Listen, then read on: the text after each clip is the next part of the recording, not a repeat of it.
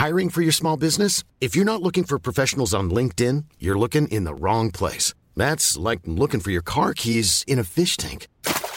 LinkedIn helps you hire professionals you can't find anywhere else, even those who aren't actively searching for a new job but might be open to the perfect role. In a given month, over 70% of LinkedIn users don't even visit other leading job sites. So start looking in the right place. With LinkedIn, you can hire professionals like a professional. Post your free job on linkedin.com slash people today. Hey, I'm Ryan Reynolds. At Mint Mobile, we like to do the opposite of what Big Wireless does. They charge you a lot, we charge you a little. So naturally, when they announced they'd be raising their prices due to inflation, we decided to deflate our prices due to not hating you. That's right. We're cutting the price of Mint Unlimited from $30 a month to just $15 a month. Give it a try at mintmobile.com slash switch. $45 upfront for three months plus taxes and fees. Promo rate for new customers for limited time. Unlimited more than 40 gigabytes per month. Slows. Full terms at mintmobile.com. Hey there, it's Michelle Norris. I'm host of a podcast called Your Mama's Kitchen. When I travel, I'm usually looking for a way to find a taste of home when I'm not at home. And one of the things I love to do when I am at home is entertain. And Airbnb allows me to do that. When I was in California recently, I rented a house that had a great kitchen. And when we were sitting around the table, we're all thinking, we're in someone else's house. Someone could be in all of our homes as well. If you have a home, but you're not always at home, you have an Airbnb. Your home might be worth more than you think. Find out how much at airbnb.com/slash host. Dette er en podkast fra Liverpool supporterklubb Norge.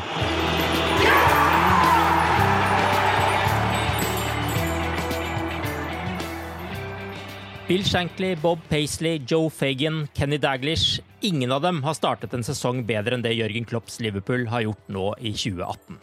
Siden forrige podkast har Everton blitt slått på aller mest ydmykende vis, seks minutter på overtid. Og selv med en lagoppstilling som skrek av poengtap i kommentarfeltene på forhånd, ble Burnley til slutt slått komfortabelt på Turf Moor.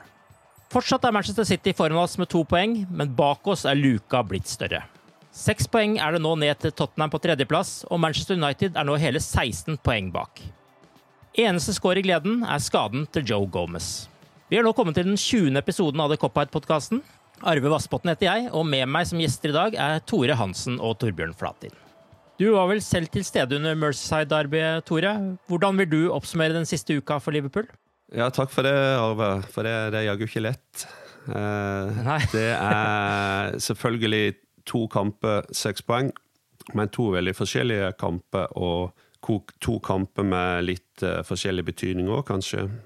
Det er jo, uh, Hvis en begynner med, med, Everton, så er det jo alltid ekstremt viktig å, å vinne disse interne byoppgjørene, lokaloppgjørene. Det klassiske Mercyside-derbyet. Det så en jo på det som skjedde eh, halvannet minutt av overtida på overtid.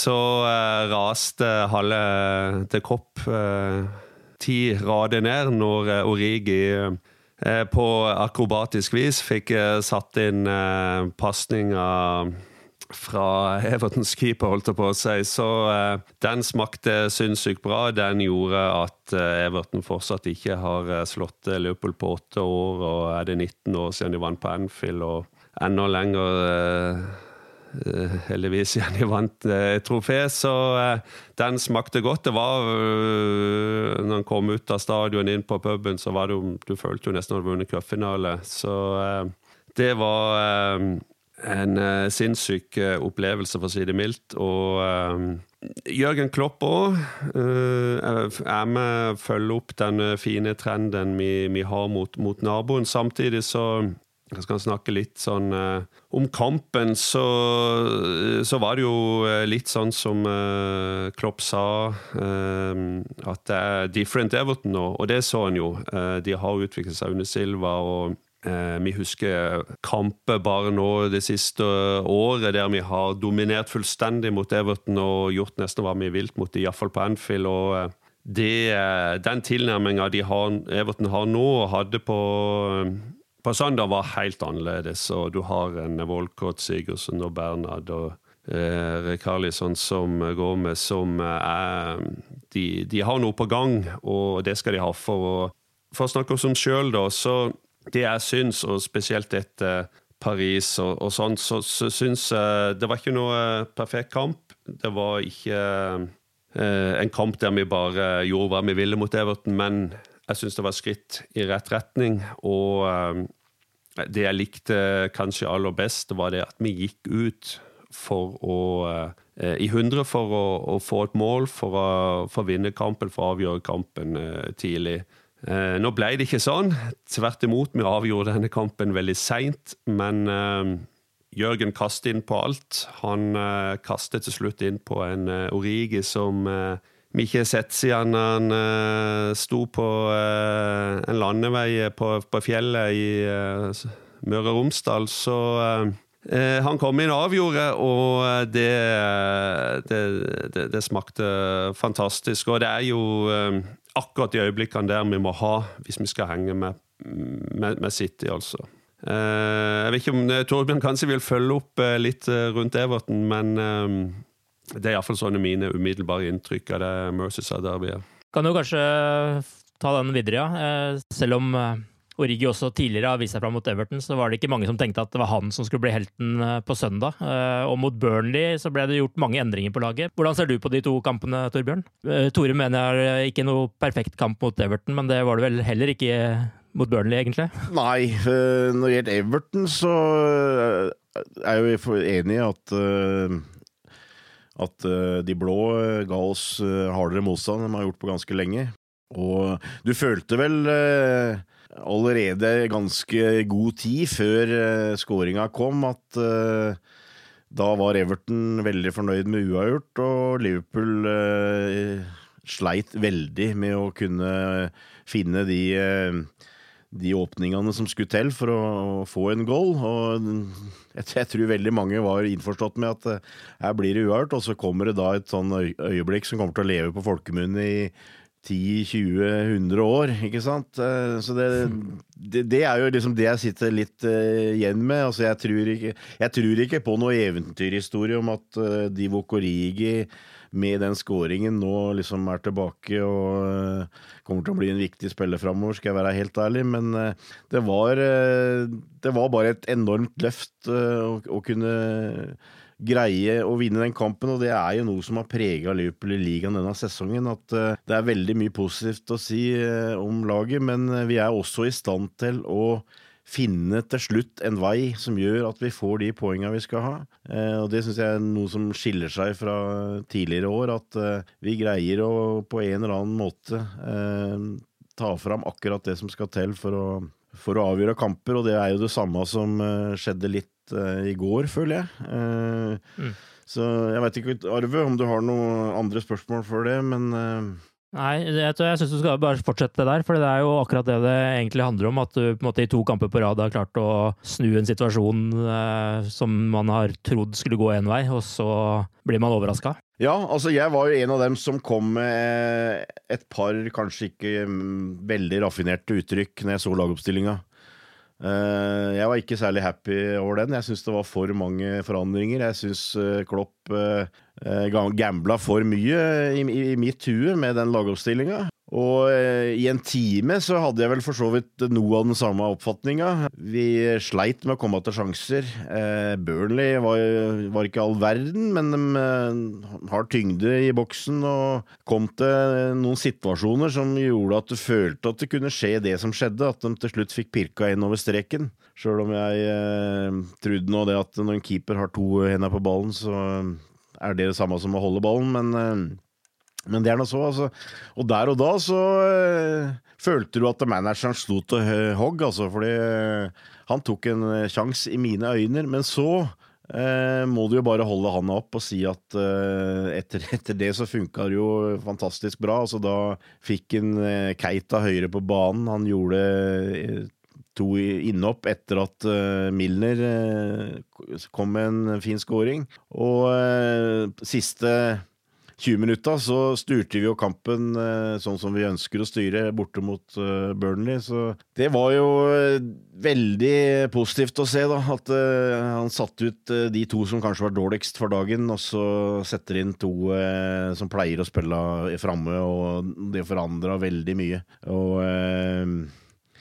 det var jo en liten styrkedemonstrasjon fra troppen, og jeg har jo av og til eh, kritisert Klopp litt for bytter. Jeg syns ikke det bestandig er hans sterkeste side, men uh, i går så traff han veldig godt.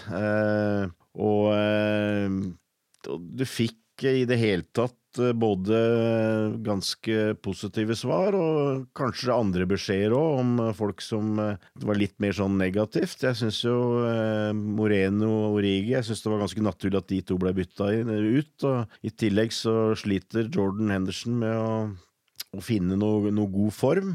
Men så var det andre som, som sto fram. Eksempel Milner syns jeg hadde en uh, bra match igjen, og jeg syns også Sturridge faktisk hadde en uh, rimelig, rimelig, god kamp i et angrep som uh, for øvrig ikke funka så veldig bra før, før vi fikk inn Firminio og, og Salah. Men, men, alt i alt, altså vi står igjen med en 3-1-seier på en kald onsdagskveld i Burnley, og, og det har vært en veldig, veldig bra uke totalt sett. Det er jo kort vei mellom slakt og genierklæring for Klopp med det laguttaket. Hva tenkte du eh, om det du fikk se underveis her, Tore? Det var, det var mange endringer. Par uh, var han jo nødt til å gjøre pga. skade. Og så var han vel kanskje nødt, med tanke på de to neste, og, eller kanskje de tre neste, å gjøre kanskje en eller to til. Så noe måtte skje. Vi har brukt mye tid til å snakke om at vi har en sterkere tropp enn det vi kan huske. og Hvis en skal bruke troppen, så må en jo bruke den. Men eh, ja, det var, eh, det var nok Uh, undring uh, da lagoppstillinga tikka inn likevel. Det, det, det, er jeg helt enig med Torbjørn i.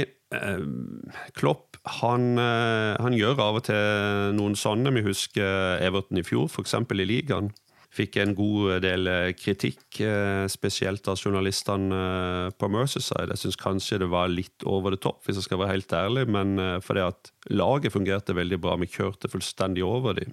Og det er det som teller mest for meg, egentlig.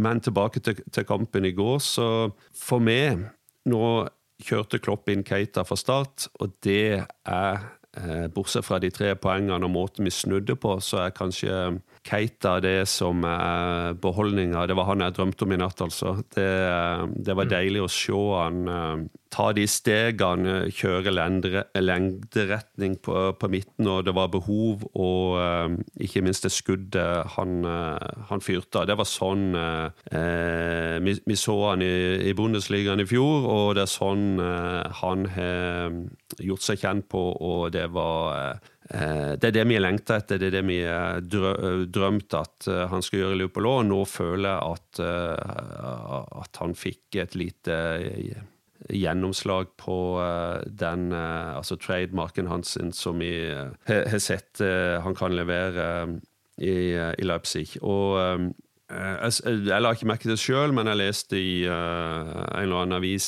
i etterkant at Klopp hadde stått på sidelinja flere ganger i løpet av første omgang og ropt at de må at Keita må få ballen, at Keita må brukes mer. Og få satt han på den midtbanen og skal ikke si bygge laget rundt han, men uh, jeg tror han er en så annerledes type enn det vi har, at å få han ordentlig i gang, det, det, er, det er, gull, altså. Uh, Milner er helt enig med Torbjørn, syns jeg også var bra, og han er vel uh, ennå ikke tapt en Premier League-kamp som han har skåret i. og han klarte å lure inn det målet som gjorde at vi fikk trua tilbake. Jeg syns kanskje Liverpool var litt bedre enn det Torbjørn antyda fra avsparka i andre omgang. Jeg syns vi tok gikk ut og tok kontrollen, og, og vi skapte en to-tre veldig store sjanser eh, før eh, eh, Burnley skårte, eh, syns jeg, mot eh, spillets gang.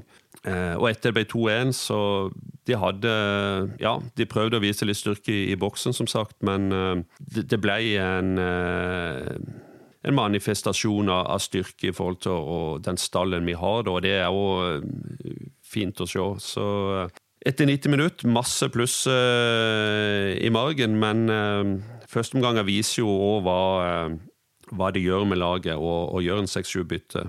Da vi satt og spilte inn forrige podkast, så argumenterte jo du sterkt for at det var på tide å få se mer av Fabinho og Keita for å løse midtbaneutfordringene, Torbjørn.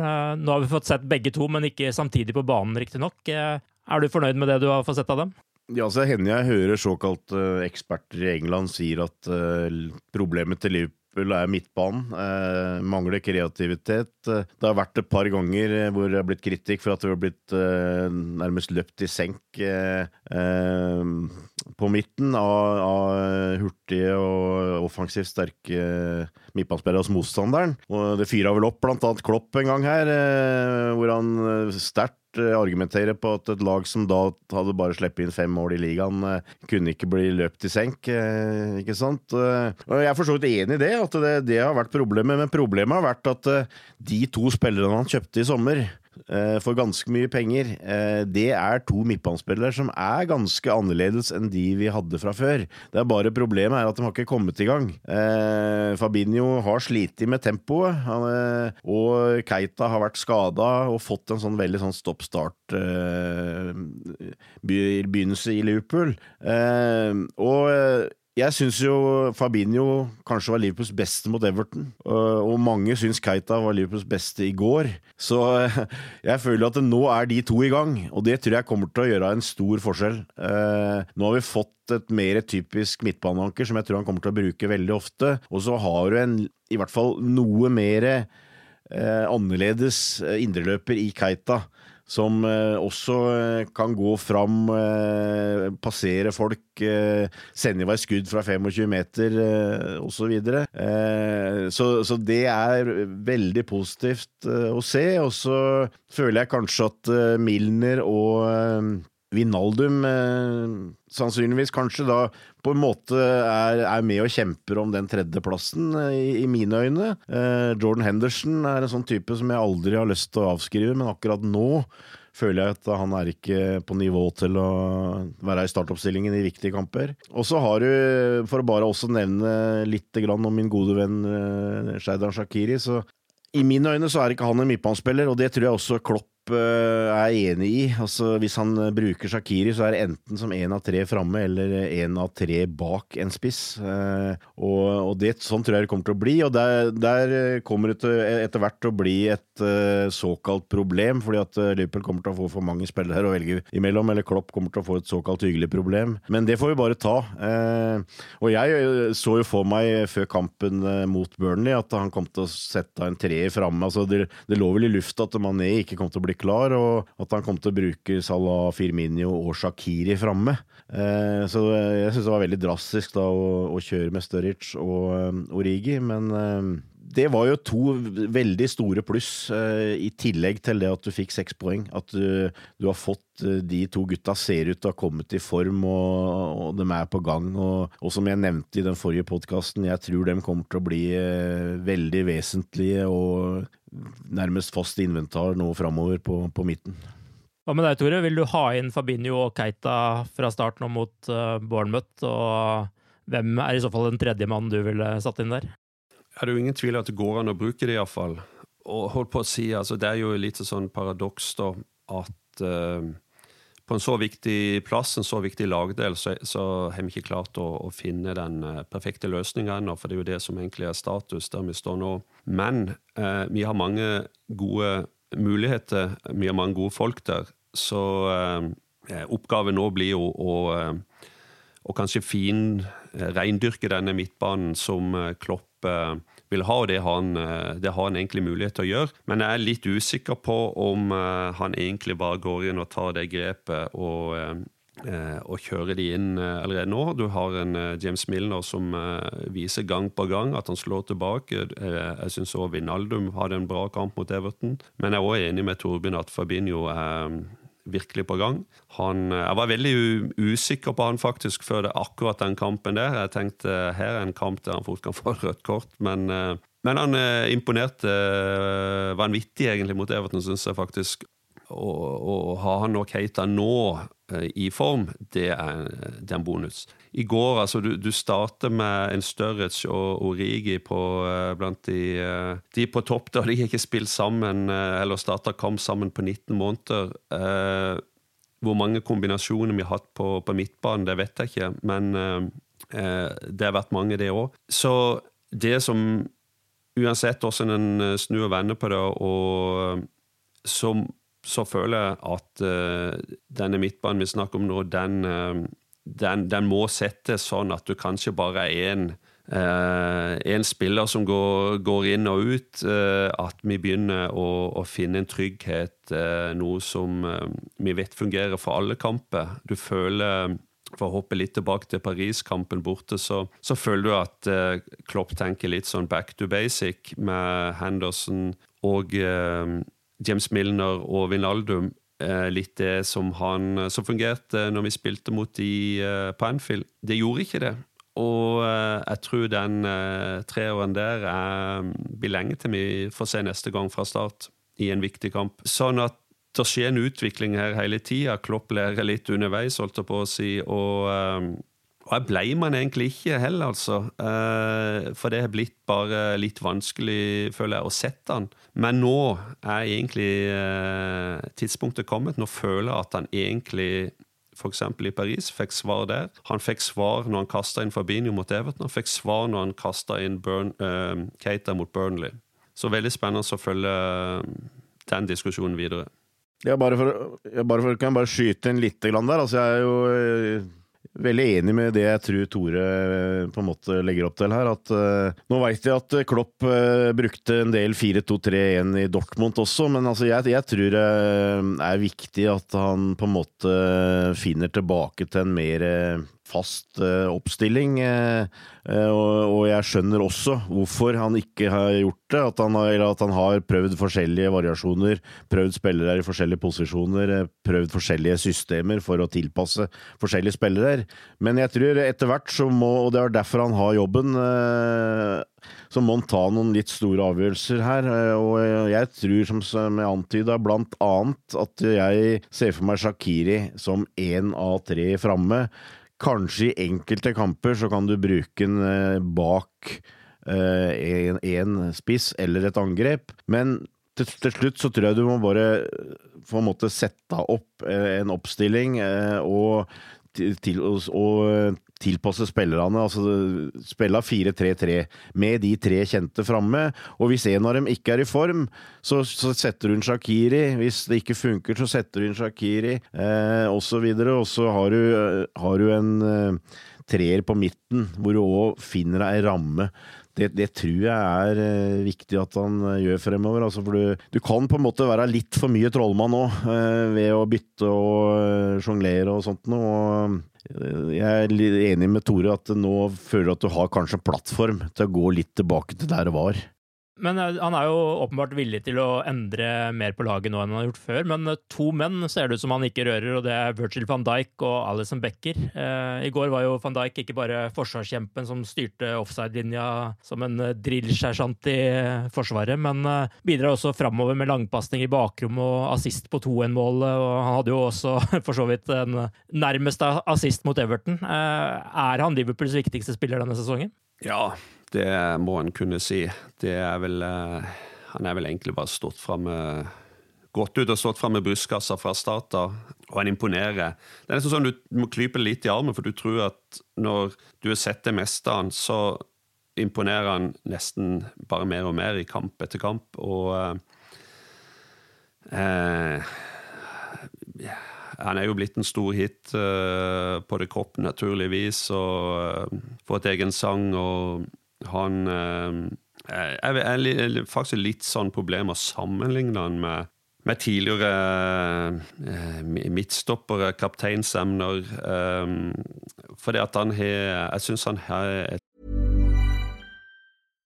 If you're looking for plump lips that last, you need to know about Juvederm lip fillers. With Juvederm Volbella XC and Juvederm Ultra XC, your lip look, whether it's subtle or bold, can last up to one full year with optimal treatment and no additional maintenance. Find a licensed specialist and see if it's right for you at Juvederm.com today. That's J U V E D E R M.com. Add fullness to lips in adults over 21 with Juvederm Volbella XC or Juvederm Ultra XC. Do not use if you have severe allergies or a history of severe allergic reactions, or if if you're allergic to lidocaine or the proteins used in Juvederm. Tell your doctor if you have a history of scarring or taking medicines that decrease the body's immune response or that can prolong bleeding. Common side effects include injection site redness, swelling, pain, tenderness, firmness, lumps, bumps, bruising, discoloration, or itching. As with all fillers, there's a rare risk of unintentional injection into a blood vessel, which can cause vision abnormalities, blindness, stroke, temporary scabs, or scarring.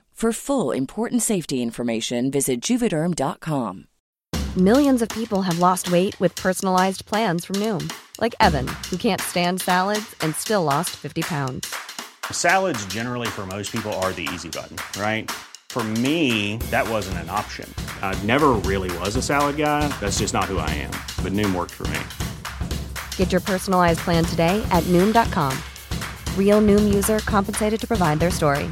In four weeks, the typical Noom user can expect to lose one to two pounds per week. Individual results may vary. Even when we're on a budget, we still deserve nice things. Quince is a place to scoop up stunning high end goods for 50 to 80% less than similar brands.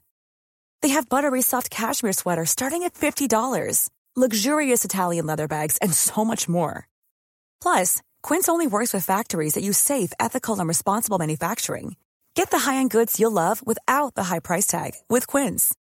Go to quince.com/style for free shipping and 365-day returns. Hiring for your small business? If you're not looking for professionals on LinkedIn, you're looking in the wrong place. That's like looking for your car keys in a fish tank.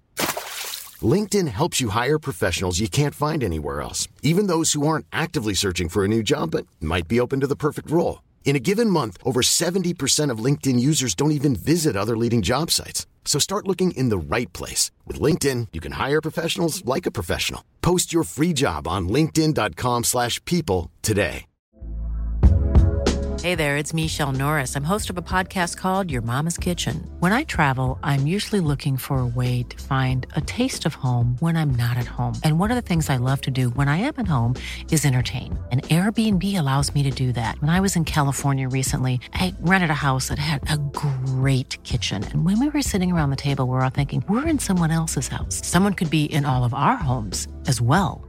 If you have a home, but you're not always at home, you have an Airbnb. Your home might be worth more than you think. Find out how much at airbnb.com/slash host. Sånt, my, altså, han er et sånn enormt register. Eh, og så lyser det sånn uh, utrolig sjøltillit av han. Og du ser uh, når det kommer en høy ball ned Han har en, uh, en duell med en Everton eller Burnley-spiller. Så ser du bare at han, han, han står fram og bare han, bare han, han vet allerede to sekunder før den ballen faller ned på dem, at denne her vinner. Denne skal vinne. Det er bare sånn enorm eh, maktdemonstrasjon over alt det han gjør, som eh, jeg, bare, jeg har nesten ikke sett noe tilsvarende. Jeg vet ikke, jeg har faktisk problemer med å plassere han i, i uh, historien over uh, den type spillere i, i, i, forsvaret vårt. Så jeg er nesten målløs, rett og slett, over, over det han presterer, og det er Det, det er jeg, litt det er nesten sånn, Jeg tror jeg har problemer med å skjønne det nivået han, han har der. Og, men, men det, er, det, er, fantastisk. Og Ja, det, ja, jeg, jeg, ja, du får ta over, Torbjørn, for nå begynner han å stabbe her. ja, sammen, sammen med Alison Becker, da, ikke sant, så er det jo en, en duo der som Ja Ti år tilbake i tid vi har hatt, og igjen så, så ser en hva Alison gjør der med, med, med de redningene. Setter raskt i, i gang angrep og eh, Helt enormt. Ja, altså, jeg er jo helt enig, og, og altså, hvis du går tilbake altså Det som jeg først og fremst tenker med van Dijk altså, Har vi noen gang hatt en mer på en måte dominerende midtstopper? Og da tenker jeg også da i i sammenligna med de andre spillerne i troppen. Altså, du river jo liksom ut hjertet av laget, føler du, når du uh, setter ut uh, van Dijk. Og uh, jeg, jeg, jeg, jeg, satt akkurat og tenkte på det. Altså, jeg sliter med å Altså, vi har hatt fantastiske mistoppere i Liverpool før, men altså om vi har hatt en sånn type som er så uh, sentral, bokstavelig talt, uh, det tviler jeg på, egentlig. Og det er litt av det som fascinerte i går, syns jeg. Altså, du kan si når du så på den dagoppstillinga, så uh, grøss du litt, kanskje, men, men du hadde Alison, du hadde van Dijk der, og jeg tror det er de to som Klopp veldig nødig kommer til å sette ut. Jeg tror det kommer til å være helt spesielle kamper hvis de to er friske og raske, så man uh, i det hele tatt tenker på å hvile dem. Uh, I tillegg så hadde du Joe Gomez, uh, som kanskje begynner å nærme seg litt en sånn posisjon, han også. Han var den tredje som den brukte om igjen.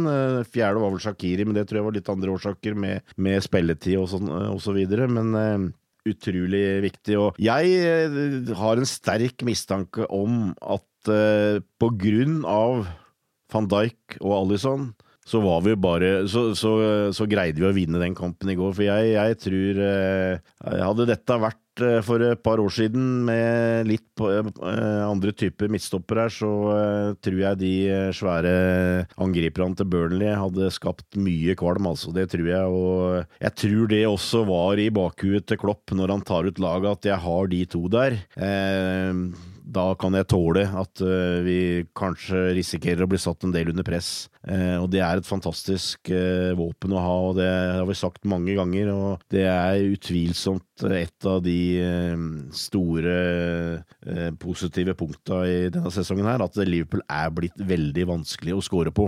Og, det kommer de fortsatt til å bli med de to sentralt i midten der. Min påstand er at verken Mignolet eller Karius hadde tatt det skuddet Alison gjorde på slutten av kampen der, når det var veldig nær å bli en 2-2-utligning der. Nei, han er, en, eh, han er en matchvinner, han også. Det står jo mot Everton også, hvor han gjør et par veldig, veldig viktige redninger. Så eh, det er eh, Det er som om ikke himmel fra helvete til himmel, holdt jeg på å si, men altså det, det er en enorm forskjell, de to kjøpa vi har gjort der, helt klart. Du nevnte jo Joe Gomez her. Han uh, har jo aldri sett bedre ut, uh, men har en stygg skadehistorikk. Og i går så gikk han ut på båre igjen. Vi husker jo at han ødela fremre korsbånd uh, i september 2015 og var jo ikke tilbake igjen før i januar 2017 pga. at han fikk en påfølgende ankelskade. Nå vet du ikke hvor alvorlig denne skaden er nå, men Klopp antyder at det ikke er en liten skade, som han sier. Hva vil det si for Liverpools gulljakt om han blir på sidelinja i noen måneder nå? Eh, Gomez er jo den som eh, har imponert mest fra det utgangspunktet han hadde. Eh, han ble kjørt inn på sida av van Dijk, og har jo bare vokst noe sinnssykt under hans ledelse. og Hele altså, kroppsbevegelsen hans, farten, overblikket, måten han håndterer situasjoner Kanskje går ut med ballen i beina, starter angrep hvis, han, hvis det er nødvendig òg. Han har jo Altså, Ungguttene har jo det meste. Han har egentlig alt. Og uh, få en uh, ordentlig sesong nå på sida av van Dijk, så er, jo, så er, jo, det en spiller som er verdt uh, 40-50 millioner pund nesten på det engelske markedet, sånn som det er blitt. Så det er jo en helt enormt, helt fantastisk utvikling han har hatt. Ja, jeg vet ikke hva jeg skal legge til der, for så vidt. Det blir en smell, det. Hvis vi må eh, unnvære han, eh, ikke minst framover, hvor det er viktige kamper og hardt program. Eh, men det er vel ikke det aller verste. Noe, noe må han tåle, holdt jeg på å si. Og vi var inne på det i stad. så jeg føler jo Alison og van Dijk er de aller viktigste. og Joe Gomez Jeg syns jo Matip gjorde en helt grei match i går, f.eks. Og vi har Loveren i bakhånd her, så jeg føler ikke at det er noen kjempekrise, men eh, selvfølgelig eh, Vi krysser fingra for at han snart er tilbake igjen. Det som jeg syns var ok i går, var at um, vi har sett Matip bli blitt kasta inn før, og jeg syns egentlig han har vært litt shaky. I går så syns jeg han var uh, tilbake litt sånn som uh, han er på uh, når han er i, i bra slag. han hadde vel en veldig bra inngrepen der etter en 12-13 minutter Uh, var det Wood som uh, var egentlig mer eller mindre alene, og så bare kom han inn og klarer å få vippe ballen vekk fra han. Um, men det, det, som er mest irriterende, selvfølgelig med, med skaden, uh, det er jo det at uh, det var helt unødvendig å bli tatt så hardt der av Ben Mi. Det det er helt unødvendig, og, og selv om en er vant med å se Burnley og den type lag spiller tøff og uh, tøff fotball, hardt, hardtspillende lag og alt igjen der, så uh, tror jeg nok Klopp har hatt mer eller ett ord med dommeren etter den situasjonen. Det var litt, det var litt sånn ikke sant? Det har bestandig vært mye snakk om at ja, men tåler han en kald tirsdagskveld i Stoke, ikke sant? Nå var det en kald onsdagskveld i Burnley, og dette var jo liksom som å skru tida 40 år tilbake, føler jeg. Det som jeg syns av og til er litt rart, eh, men det er mulig at det er bare meg, men altså jeg har en sånn oppfatning av at i en del kamper nå, med de såkalte mindre laga på nedre del av tabellen, hvis de spiller hjemme i litt sånne forhold, så eh, plutselig så syns jeg dommeren legger seg på en helt annen linje igjen. Altså, du nærmest går tilbake 40 år, og du For det første så krever det ganske mye for at du skal få frispark, og i tillegg så kan du gjøre det fire-fem ganger før du får et kort. Eh, og det, Sånn syns jeg det var i går. Altså, Jeg syns Burnley slapp unna med veldig mye, og jeg skjønner uh, Jørgen, egentlig. Altså, det var uh, det var eh, litt over, over the top, eh, egentlig, men eh, det, det, blir jo litt sånn eh, fort sutring da, hvis du driver og, og klager på det. Men eh, jeg, jeg syns dommeren la seg på ei eh, litt for høy linje der. Men en liten digresjon i forhold til Matip og, og det med Forsvaret. Så klart, individuelt så er van Dijk og Alison fantastiske spillere, men de er også ledertyper. Jeg vet ikke om du så den derre helt eh, rett før skåringen mot Everton, hvor Alison eh, spurter ut til midtbanen og gir eh, Alexander Arnold og Gomez kjeft for at de står og diskuterer eh, Jeg veit ikke om det var hvem som skulle ta frispark eller hva det var, jeg, og bare kom i gang, få, få det i gang. Og det var faktisk en liten foranledning til eh, skåringen mot Everton. Eh, og det tror jeg også bidrar til at Matip kan komme inn nå og gjøre en bra match, fordi at det er en helt annen go, det er en helt annen eh, lederskap eh, i de bakre rekker. Altså det er liksom Kall det en stolthet i å, å prøve å unngå baklengsmål. Og det gir jeg ikke minst de to nye mye av æren for. Seks baklengsmål så langt denne sesongen, og bare ett av dem uh, har kommet inn på hjemmebane. Det er jo ganske imponerende statistikk, så vi får bare håpe det fortsetter uh, nå om uh, Gomez også er ute en liten stund. Men hva tenker dere om Origi, da, nå som han har fått sjansen et par kamper? Vil vi se han i Liverpool-drakt også etter januar? Altså, Jeg er ikke noen kjempefan, det må, må, jeg bare si. Men for all del, det er hyggelig og kjempehyggelig. Det. Han har jo skapt seg et øyeblikk i historien, ikke sant. Jeg blei skuffa over han i preseason. Jeg syns ikke bare spilte han dårlig, jeg syns holdninga hans så litt lunken ut. Jeg var mye mer innstilt på å gi Solanke en skikkelig sjanse. Nå tror jeg han sliter vel med en liten skade som kan ha påvirka uttaket nå, men Altså, Origi har kvaliteter. Han har jo vært inne på det belgiske landslaget. Han er stor, sterk, eh, rask. Eh, kan skåre mål, eh, men jeg stiller et stort spørsmålstegn ved mentaliteten hans. Og for å være ærlig så tror jeg dette var mest et glimt og ikke noe, noe, permanent, at vi kommer til å se han som noe superreserve framover. Det, det, er min litt sånn dystre spådom. Ble han liksom satt i utstillingsvinduet for eh, klubber til januar i kampen i går? Ja, altså det, det som jeg tenker, det er det at jeg er kanskje mer overraska over at ikke Solanke eh, på en måte fikk den, eh, det innhoppet, eller vært på benken og, og fikk den muligheten som Origi fikk.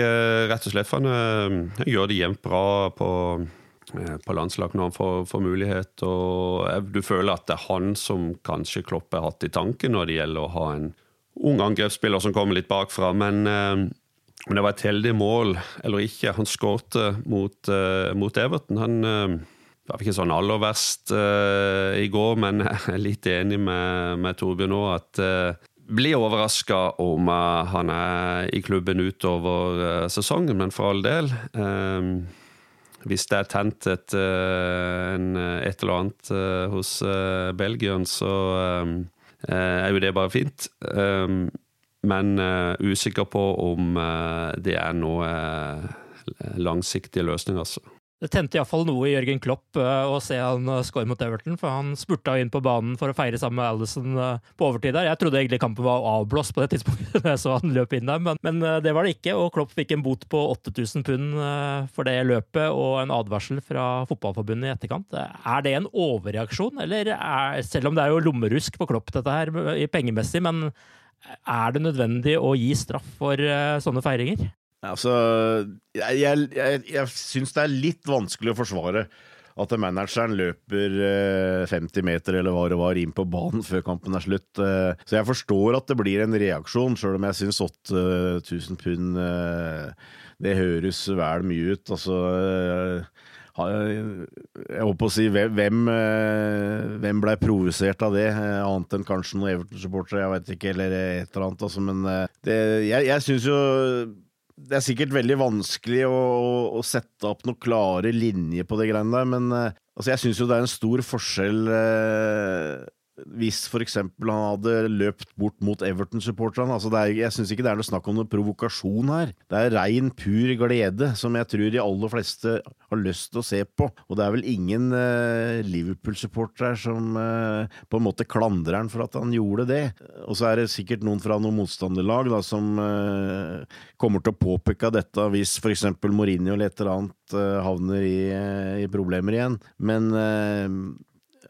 jeg, jeg, jeg, syns ikke Fotballforbundet er veldig flinke til å på en måte skille litt hva som er bevisst eh, provokasjon, og, og hva du gjør og sånn. Altså, jeg syns eh, det, det, er litt tilfeldig, for å være ærlig. Men eh, jeg er for så vidt litt som Klopp. Altså, ok, han har fått ei bot, betal den, og så går vi videre.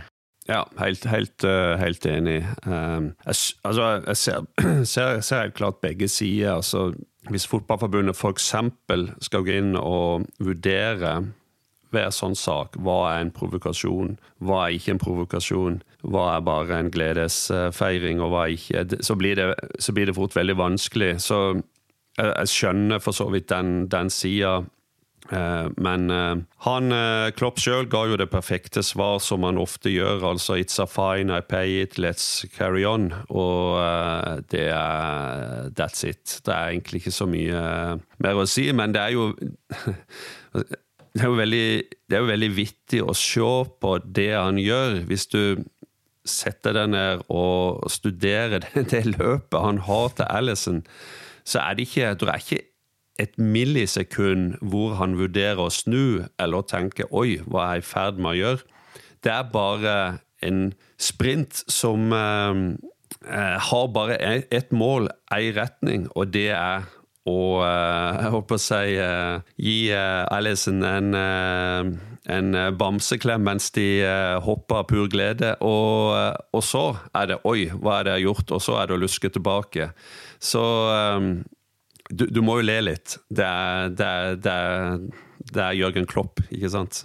Ja, og det er vel det, sånne ting som også gjør fotball eh, spesielt gledesfylt uh, i sånne anledninger òg. Altså, selv jeg klarer jo å glede meg over andre lagsmanagere som står og viser følelser på siden. Altså, man må liksom ikke ta helt av heller fordi man viser litt glede ved en scoring. Nei, altså det finnes regler for alltid, da. Sånn har verden blitt. Og hvis du skal se det litt med røde øyne, iallfall, så er det jo litt herlig å se at han faktisk bare gjør det.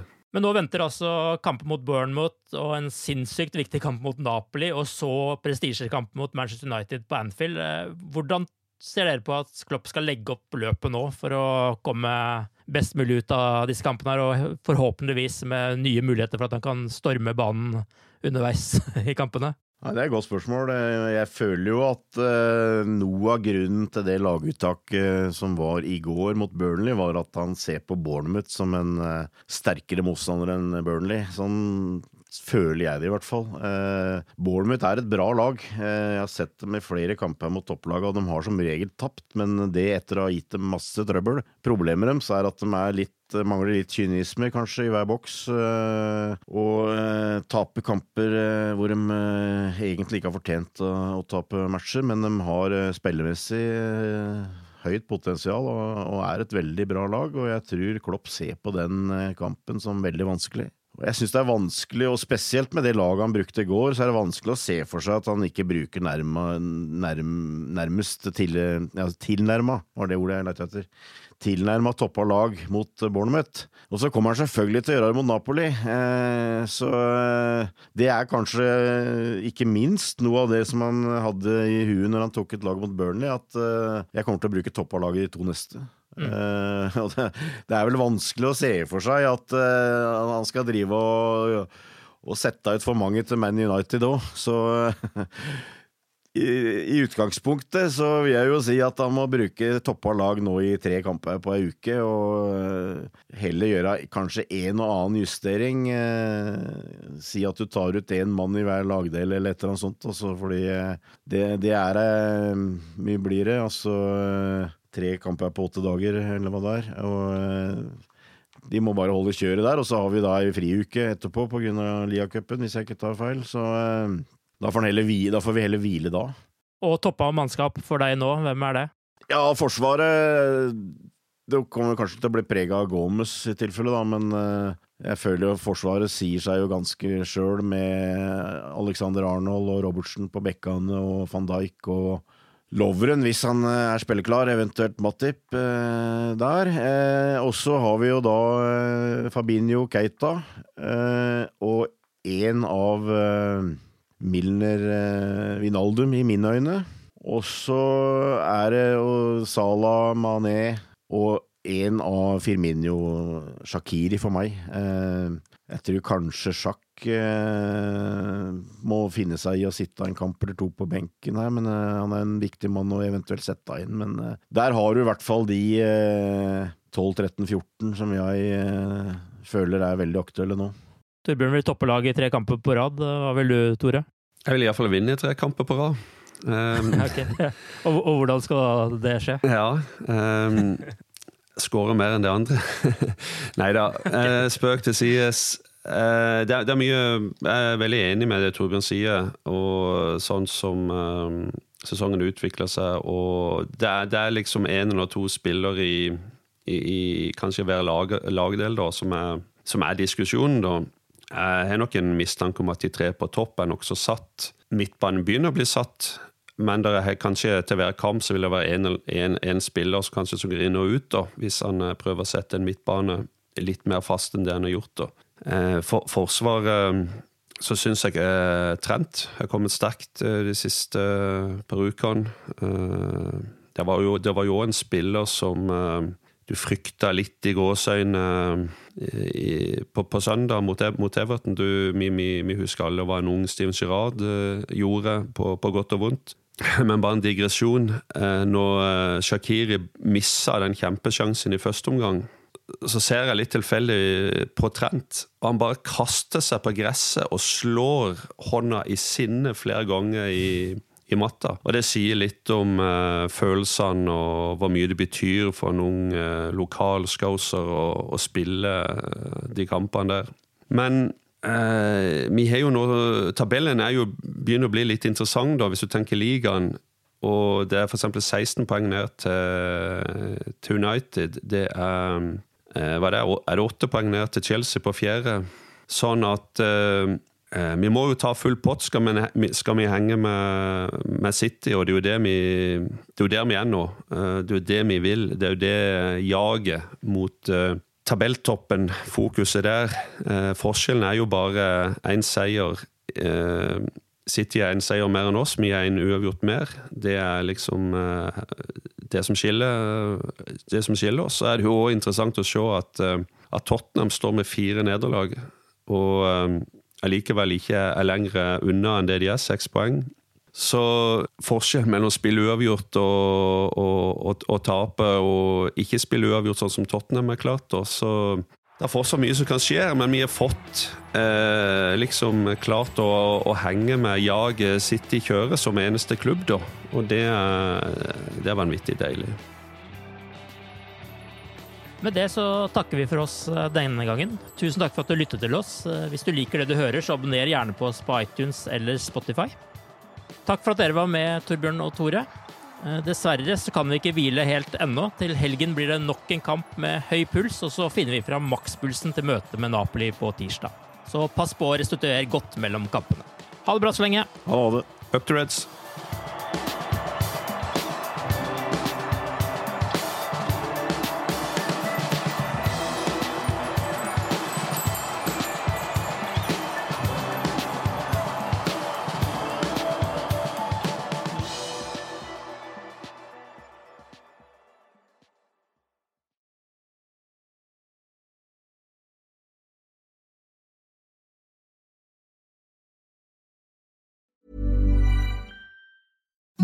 Imagine the softest sheets you've ever felt. Now imagine them getting even softer over time. That's what you'll feel with Bowl and Branch's organic cotton sheets. In a recent customer survey, 96% replied that Bowl and Branch sheets get softer with every wash. Start getting your best night's sleep in these sheets that get softer and softer for years to come. Try their sheets with a 30-night guarantee. Plus, get 15% off your first order at bowlandbranch.com. Code BUTTERY. Exclusions apply. See site for details.